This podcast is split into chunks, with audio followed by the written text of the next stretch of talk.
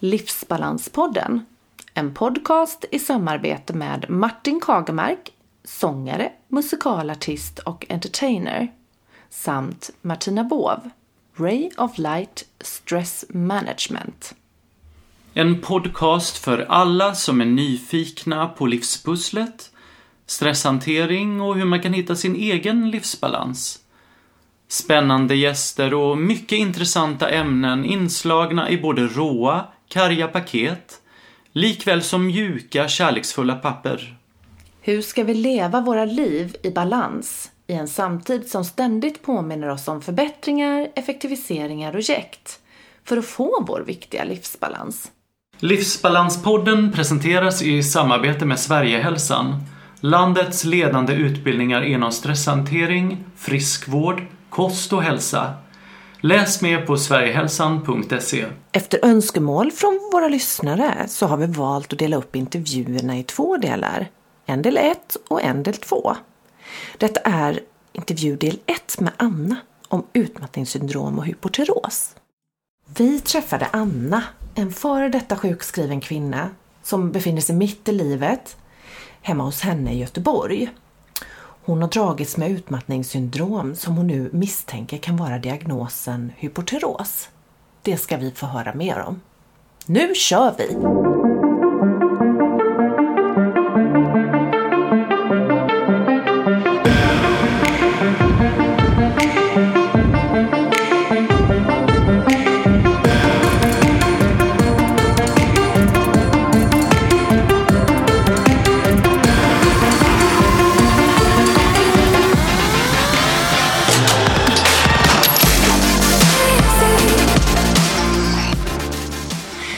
Välkommen till Anna, före detta sjukskriven för utmattningssyndrom, men som hittat mycket av svaren i en annan eventuell diagnos, hyperteros, som för många är en relativt anonym diagnos. Detta ska vi prata om idag. Välkommen till Livsbalanspodden, Anna. Tack så mycket. Vem är du, Anna, som person och hur skulle du beskriva dig själv? Ja, som person så... Vi har eh, valt att dela upp vill våra avsnitt nog, i eh, två delar. Har jag ganska svårt för att identifiera två. mig som eh, eh, en stressad person. Ehm, det, jag ser mig själv som en ganska lugn person som försöker ta saker som det kommer, sopa saker under mattan och eh, jag, jag har varit med om ganska mycket på kort tid som har påverkat och format mig ganska mycket. Ehm, och eh, nu är jag väl mitt i livet och eh, det har väl börjat komma ikapp mig lite. Så att jag får kapitulera. Hur och när blev du sjukskriven för eh, utmattningssyndrom? Jag hade gått ganska länge tror jag och ja, känt mig trött, allmänt håglös, lite deprimerad. Eh, men eh, tyckte väl att det hörde småbarnsåren till och eh, ja, inte reflekterat så mycket över det. Eh, så att jag eh, jobbade på precis som vi alla andra gör men kanske inte pratar så mycket om det. Jag hade inte mer på jobbet än någon annan. Jag hade inte mer hemma än någon annan, försökte jag intala mig. Ehm, Men jag var trött hela tiden. Eh, Och Ehm, det var en dag på jobbet när jag kände att eh, jag fick svårt att andas. Ehm, det kändes som att någon drog åt en korsett. Och eh, luften gick inte att få ner hela vägen i lungorna. Eh, och då tyckte mina kollegor, för de såg att jag blev blek och jag, eh, tårarna började rinna utan anledning. Tyckte de att jag skulle åka till vårdcentralen så att jag gjorde det. Eh, åkte hem den dagen. Eh, och det var väl egentligen jag minns faktiskt inte, om jag ska vara ärlig, om jag åkte till vårdcentralen eller, om jag bara åkte hem och bäddade ner mig och eh, ja, kom tillbaka till jobbet som vanligt dagen efter. Eh, men det var första gången jag kände att någonting var fel och att jag kanske borde stanna upp och känna efter. Eh, sen eh, gick det väl sam, ja, två år tror jag efter den händelsen. När jag kände att jag hade lite problem med andningen så satt jag hemma och tittade på TV själv.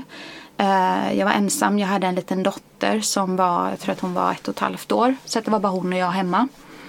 Eh, när jag helt plötsligt inte fick någon luft överhuvudtaget. Och det gick så långt så att jag trodde att, på riktigt att jag skulle dö. Ringer 112. Eh, ambulansen kom jättefort och när de knackade på dörren så kunde jag andas igen. så att det var ju lite pinsamt.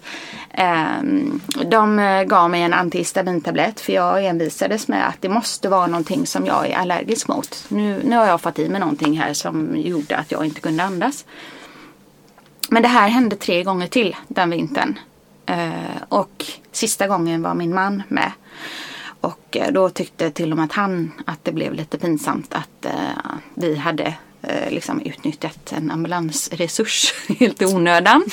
Eh, för att varje gång när de kom så mådde jag ju bra. Mm.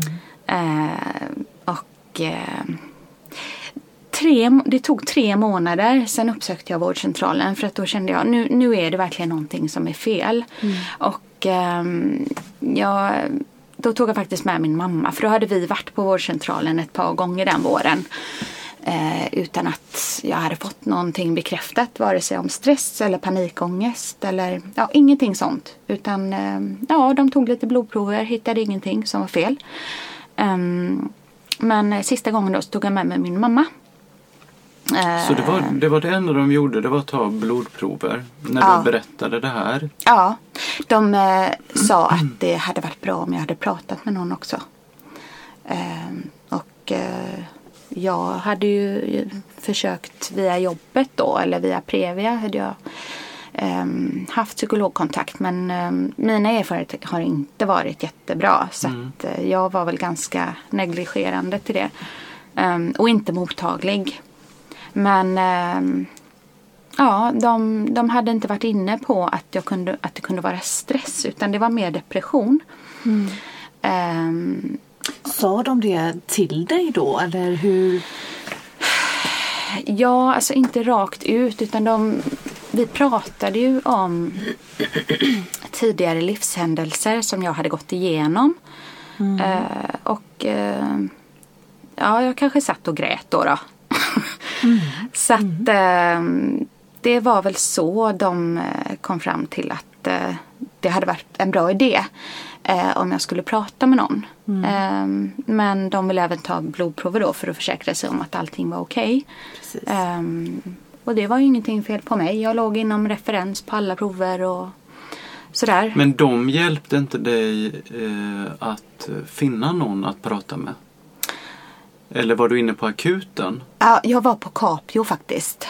Eh, jag har varit på, jag har varit på akuten också vid flera tillfällen. Men eh, det har ju varit rena eh, panikångestattacker i samband ja, med att Men nu var du hos ja. husläkaren? Ja. ja. Mm. För, för husläkaren ska ju hjälpa dig vidare mm. till samtal. Mm.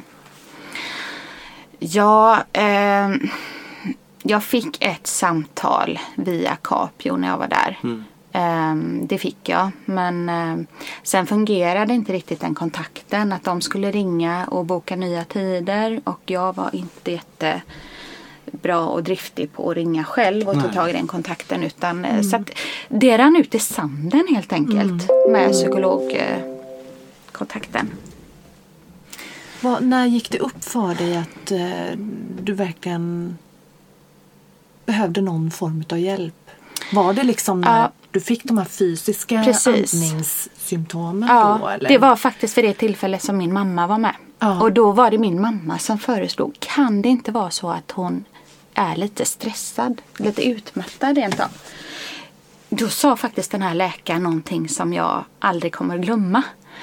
Han sa, ja, jag har ju varit inne på det också för jag hade träffat samma läkare Aha. hela den våren. Ja. Jag har också varit inne på det. Att det kan vara utmattning. Men jag vill inte lägga orden i patientens mun. För att då sätta griller i huvudet på henne. Eh, och det tyckte jag, jag tyckte det var så hemskt att han inte bara kunde ha en öppen dialog med mig. Att han hade haft mm. en tanke men inte, alltså han visste att jag mådde dåligt och eh, ja, och, och just den här tröttheten som var hela tiden. Jag var trött hela tiden. Det var väl, Jag hade ju skylt ganska länge på att eh, småbarnsåren, jag får inte sova. Eh, jag får ingen återhämtning hemma och hit och dit. Och, men har inte alla det så då? Är, är det inte så för alla som har familj och jobb och alla vardagsproblem och allting? Ehm, nej, så att eh, efter det så blev jag faktiskt sjukskriven. Eh, för då blev jag också väldigt okej. Men då, jag vill bara ha någonting som jag kan ta när jag får svårt att andas. Då fick jag Atarax. Sen förlängdes det här och förlängdes och förlängdes och till slut så hade jag varit sjukskriven i ett och ett halvt år. Ehm, men det jag tyckte var jobbigt med sjukskrivningen också det var att, att det var så korta stötar. Det var liksom inte för mig var inte det en återhämtning att veta att jag kanske måste börja jobba om två veckor.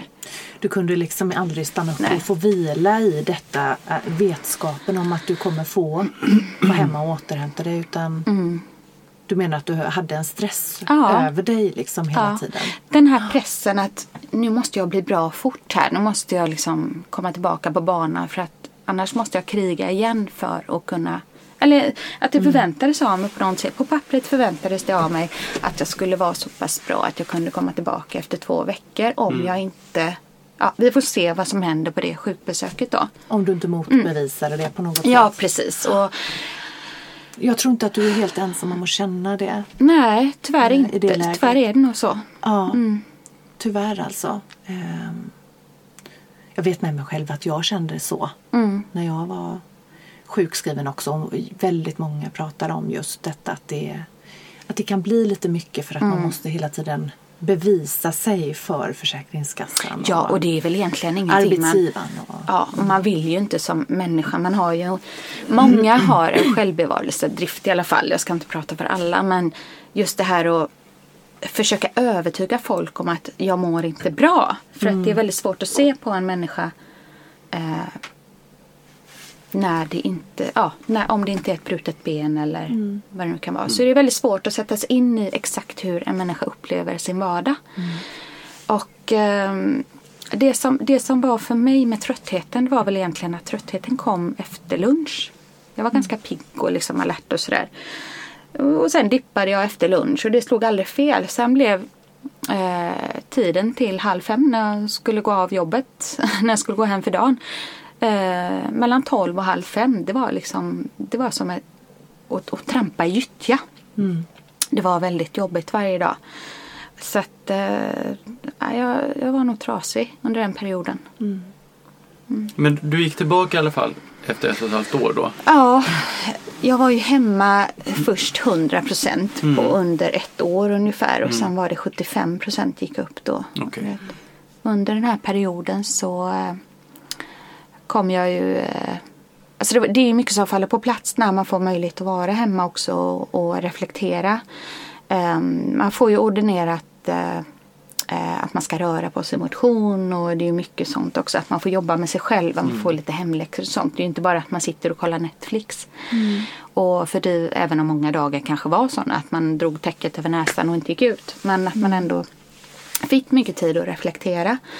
Så att under den här perioden ehm, så bestämde jag mig för att eh, jag måste göra något helt annat nu. För, eh, jag, jag vill inte tillbaka till mitt jobb. Jag vill vända blad, jag vill ehm, Starta på nytt Ja. på något sätt. Ja, precis.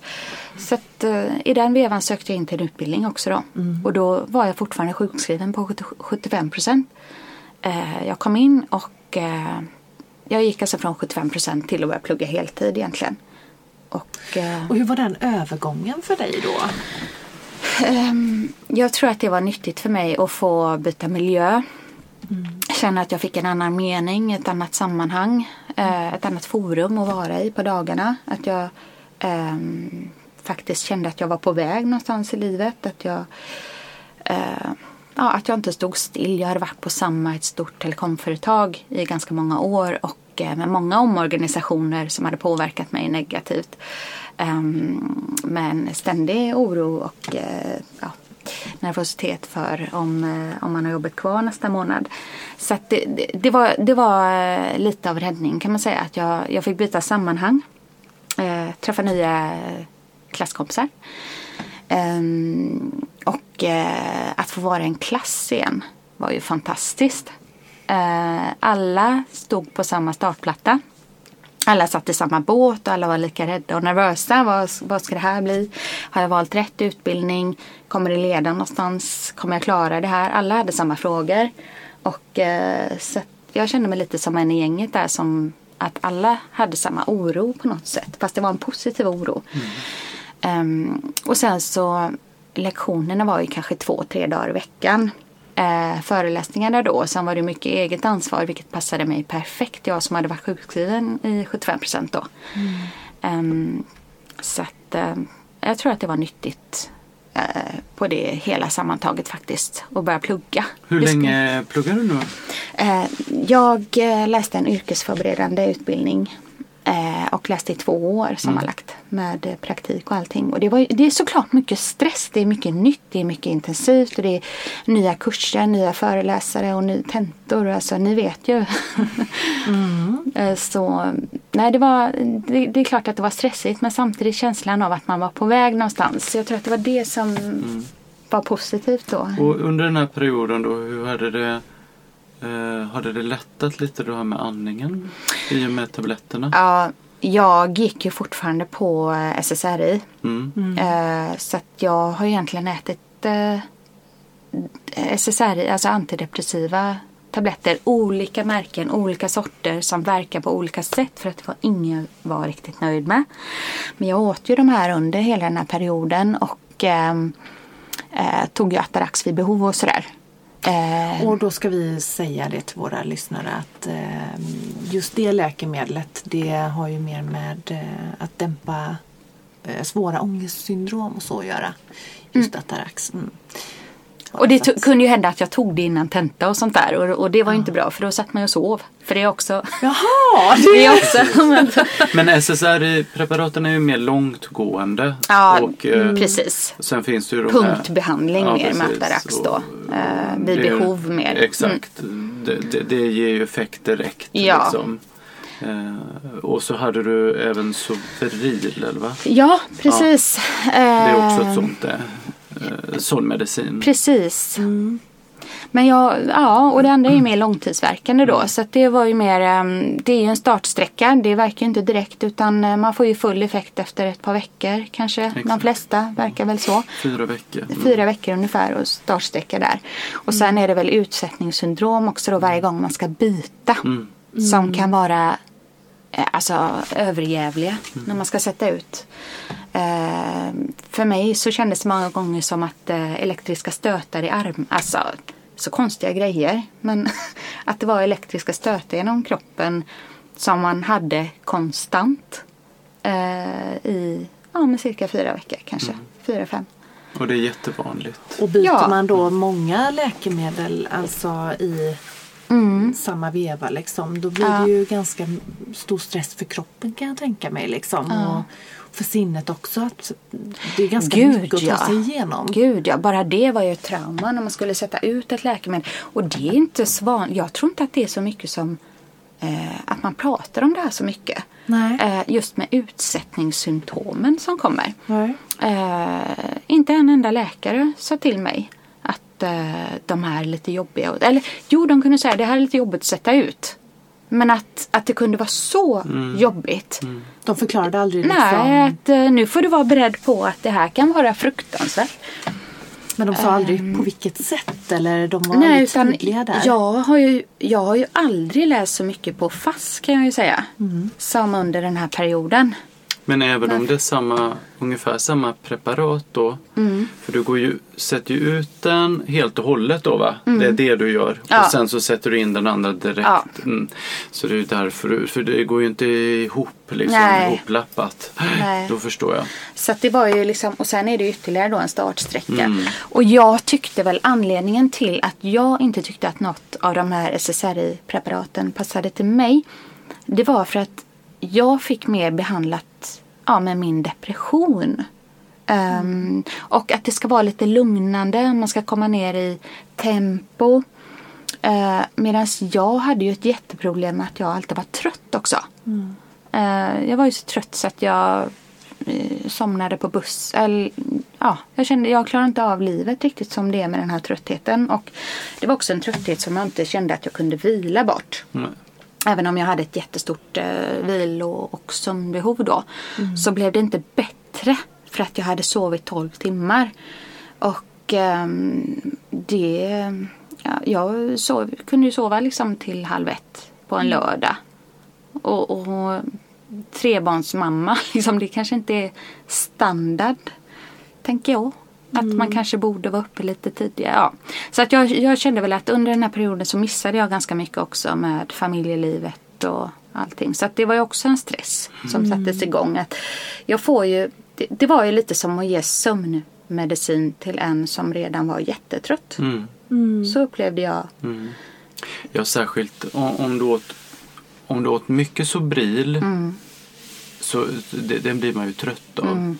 Om du åt du mycket av den medicinen Periodvis så tror jag. den blir man ju väldigt, väldigt trött av. Ja. Så att, eh, Så jag kände väl att eh, jag, jag kanske inte krigade tillräckligt mycket för att få en korrekt diagnos eller få rätt hjälp och sådär. Utan jag gick dit, sa vad jag kände och fick eh, vad, vad läkaren för stunden. Jag hade aldrig samma läkare heller utan jag kom till olika för det mesta. Det var en väldigt eh, ruljans med läkare på Capio. Och hur kändes det för dig då? Du hamnade hos olika läkare? Nej, jag tänkte väl mer att det här är väl normalt. Det här Ja. är väl norm. Eller Ja. vad, det är väl så det funkar på vårdcentralen. Varför ska jag ha en egen läkare? Eller jag, jag, jag tror aldrig jag reflekterade över det. Ska jag ha en person? Men Nej, nu vet sen- jag, det hade ju varit bra att ha någon som kunde följa hela.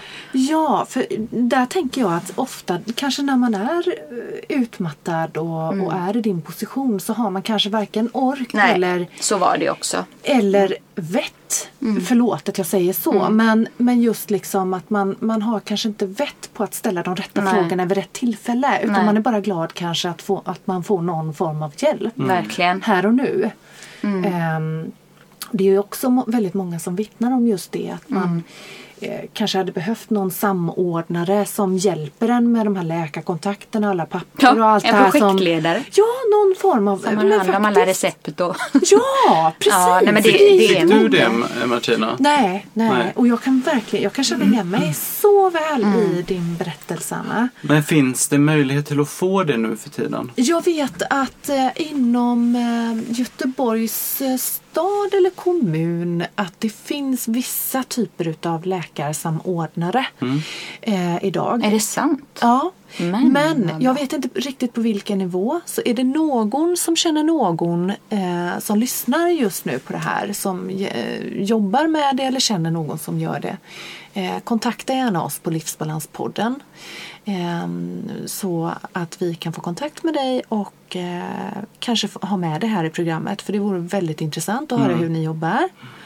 Ehm, för det är någonting som efterfrågas stort. Verkligen. Man är ju på, när man är så pass lågt på botten eh, så är, har man ju tur om man har anhöriga som kan kriga för en och ta alla de här läkarkontakterna. Min man har ju varit helt fantastisk och eh, han har ju eh, behörighet att hämta ut recept. Åh, Eh, vilket har hjälpt mig enormt mycket. det visste jag inte ens att det är möjligt att göra så. Jo, du, du, du bara eh, skriver namnteckning. Jaha, med Det är jättelätt. Ja. Mm. Okej. så Och med dina man- barn, precis som med dina barn. Eller anhöriga om du har äldre föräldrar eller farföräldrar och morföräldrar. Okej. Så kan... Hur gör man detta då? Det Till alla våra apoteket. lyssnare? Ja. ja, man skriver under på apoteket. Ja, vad bra. Det är ju väldigt bra att veta. För då kan man ju faktiskt få lite mer hjälp. Ja, det är suveränt faktiskt. Från nära och kära och anhöriga. Så.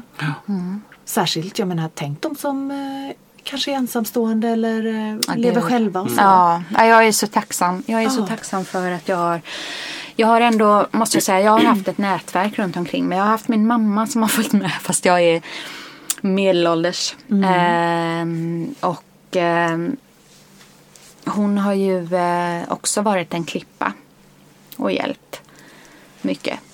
Eh, och så min man då som har tagit många telefonsamtal och eh, eh, ja, och dialoger. Eh, han har ju också följt med till eh, vårdcentralen och till eh, läkarmöten för att kunna på något sätt att jag ska ha någon som dokumenterar det så att inte jag ja, eh, det, Tappar bort dig? Nej men det, ja precis för minnet mm. är ju inte heller så himla toppen när man är trött. Så det är precis. inte alltid jag har kommit ihåg faktiskt vad, vad hände där inne egentligen. Och, Ja men gud vad skönt att få den stöttningen. Ja, nej men det har, det har faktiskt varit jättebra. Ja, wow. Det har det faktiskt. Mm. Och vilka faktorer tror du eh, har spelat en avgörande roll för att du blev sjuk? Jag tänker mm. privat och i arbete. Ja. Har du några sådana specifika? Ja, eh, liksom vi alla har höll jag på att säga. I livet, lever man livet så får man sina törnar, så är det ju. Mm. Jag hade en ganska intensiv period eh, och när jag tänker tillbaka eh, på det så så förstår jag att jag var i en skitstorm rent ut sagt. Mm. Um, och uh, det var en ganska uppslitande skilsmässa uh, som började fredlig och slutade i uh, krig och som nu är fredlig igen. Mm. Men det var, det var många turer med ja, mycket familjerätt och ja, mycket känslor skulle jag vilja säga. Mycket obearbetade känslor ifrån eh, mm. min exmans sida tror jag. Som gjorde att eh, eh, Ja, det, det, låter hårt att kalla det för terror men det var faktiskt Det var en period när det var eh, Jag vågade inte svara i min telefon till slut, så långt gick det. Så att den skilsmässan var ganska intensiv. Jag träffade min ny, nuvarande man mm. under den här perioden. Eh, bara tre månader efter att vi hade separerat och då blev det återigen en eh, skitstorm kring det. Mm. Eh, som eh, var väldigt, ja det var mycket vänner inblandat också som eh, jag tappade kontakten med på grund av eh, allt som hände. så ja, mycket, mycket känslor kring skulle man kunna säga att du upplevde Och skuld lite... också för barnen. Att man liksom inte riktigt var, man hade en annan fight. Man var liksom inte riktigt närvarande för barnen. Och gjorde jag rätt nu som inledde ett förhållande? Alltså det är svårt att styra över kärleken. Händer den så händer den. Och då är det väldigt svårt att mm. eh, Och jag fick ju mycket stöttning redan då också ifrån min man. Så att eh, ja Um, det är alltså mannen du är gift med och lever med idag? Ja. ja, ja sen precis. hur många år tillbaka? Vi har hängt ihop sedan 2008. Ja, det är Vad är det nu? Tag. 2020? Ja. Nej men gud, 12 år. Ja. Vi, ja, nej men så att eh, finns väl inget som kan ta död på det nu tänker jag. Han har varit igenom det mesta. Nej, han, han har faktiskt varit en klippa och eh, jag, är, jag var faktiskt jätteförvånad och rädd att förlora honom där. För det var, det var väldigt mycket eh, som gick ut över honom. Och mm. han hade bara kunnat vända i dörren och, mm. eh, och dragit liksom. Jag, jag pallar inte det här, han kunna säga ganska tidigt. Mm. Men han stod pall och eh, vi fick våran dotter ehm, eh, året efter, 2009. Mm. Nej, 2010. Jag blev gravid 2009 ja. i juni. Mm. Så 2010 kom hon. Eh, och sen var det också en annan sak eh, som hände. Min lillebror eh, gick bort 2009. Så det var mm. också i samma veva.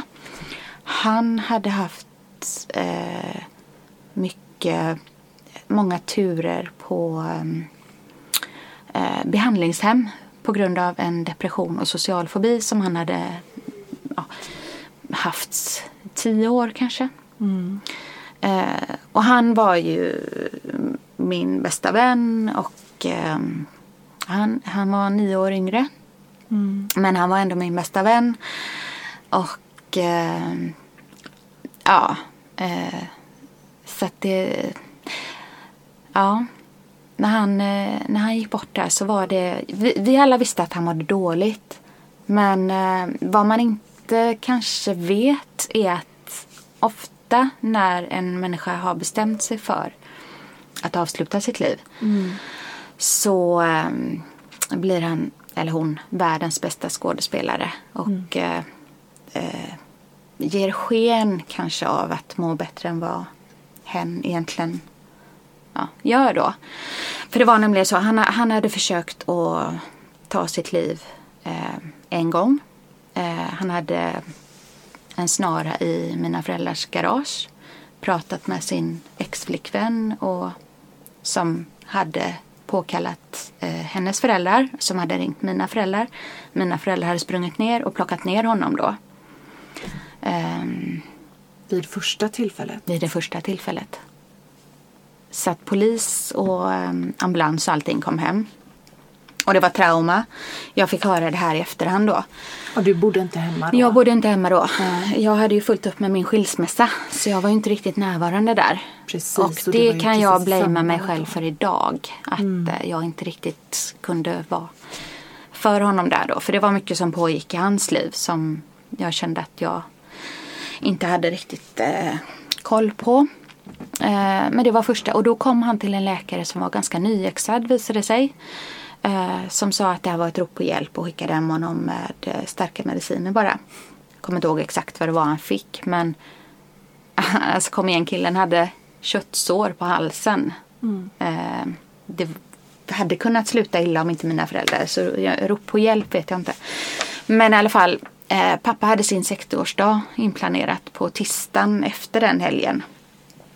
Och vi bestämde oss för att liksom, ja, det var mycket förberedelser och mycket hit och dit. Så vi bestämde oss eh, eh, för att genomföra den. Eh, och min lillebror eh, verkade må bättre. Och han, han sa själv att han ångrade vad han hade gjort. Att han skämdes, att han kände sig dum. Han gick runt med polotröja.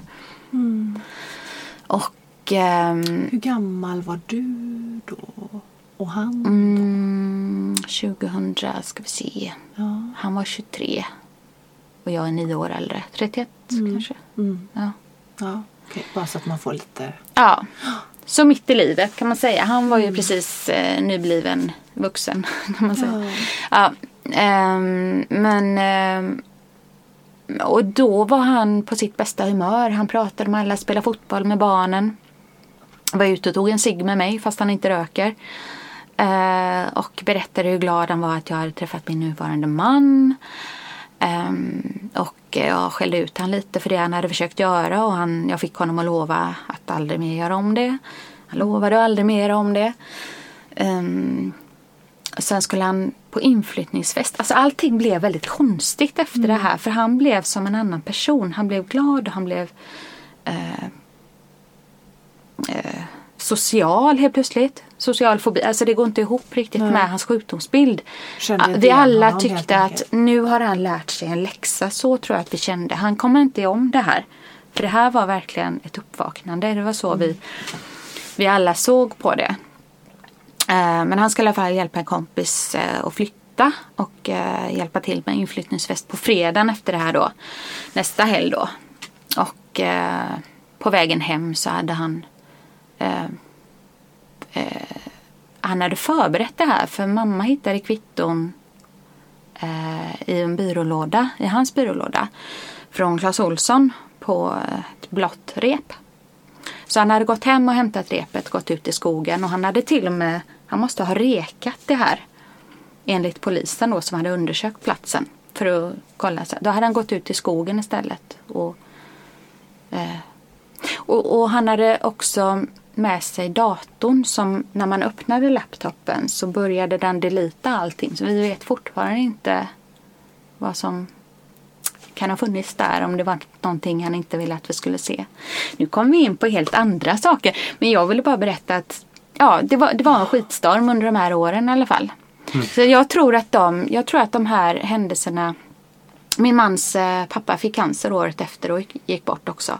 Så det var också en grej och sen så var det mycket med huset. Vi skulle sälja och köpa hus och det gick inte som vi ville. Vi stod med två hus. Visste inte om vi fick sålt det. Ja. Det, var, det var mycket sådana grejer. Om ni vill komma i kontakt med oss angående Livsbalanspodden eller andra uppdrag så finns vi på livsbalanspodden gmail.com och livsbalanspodden på Instagram.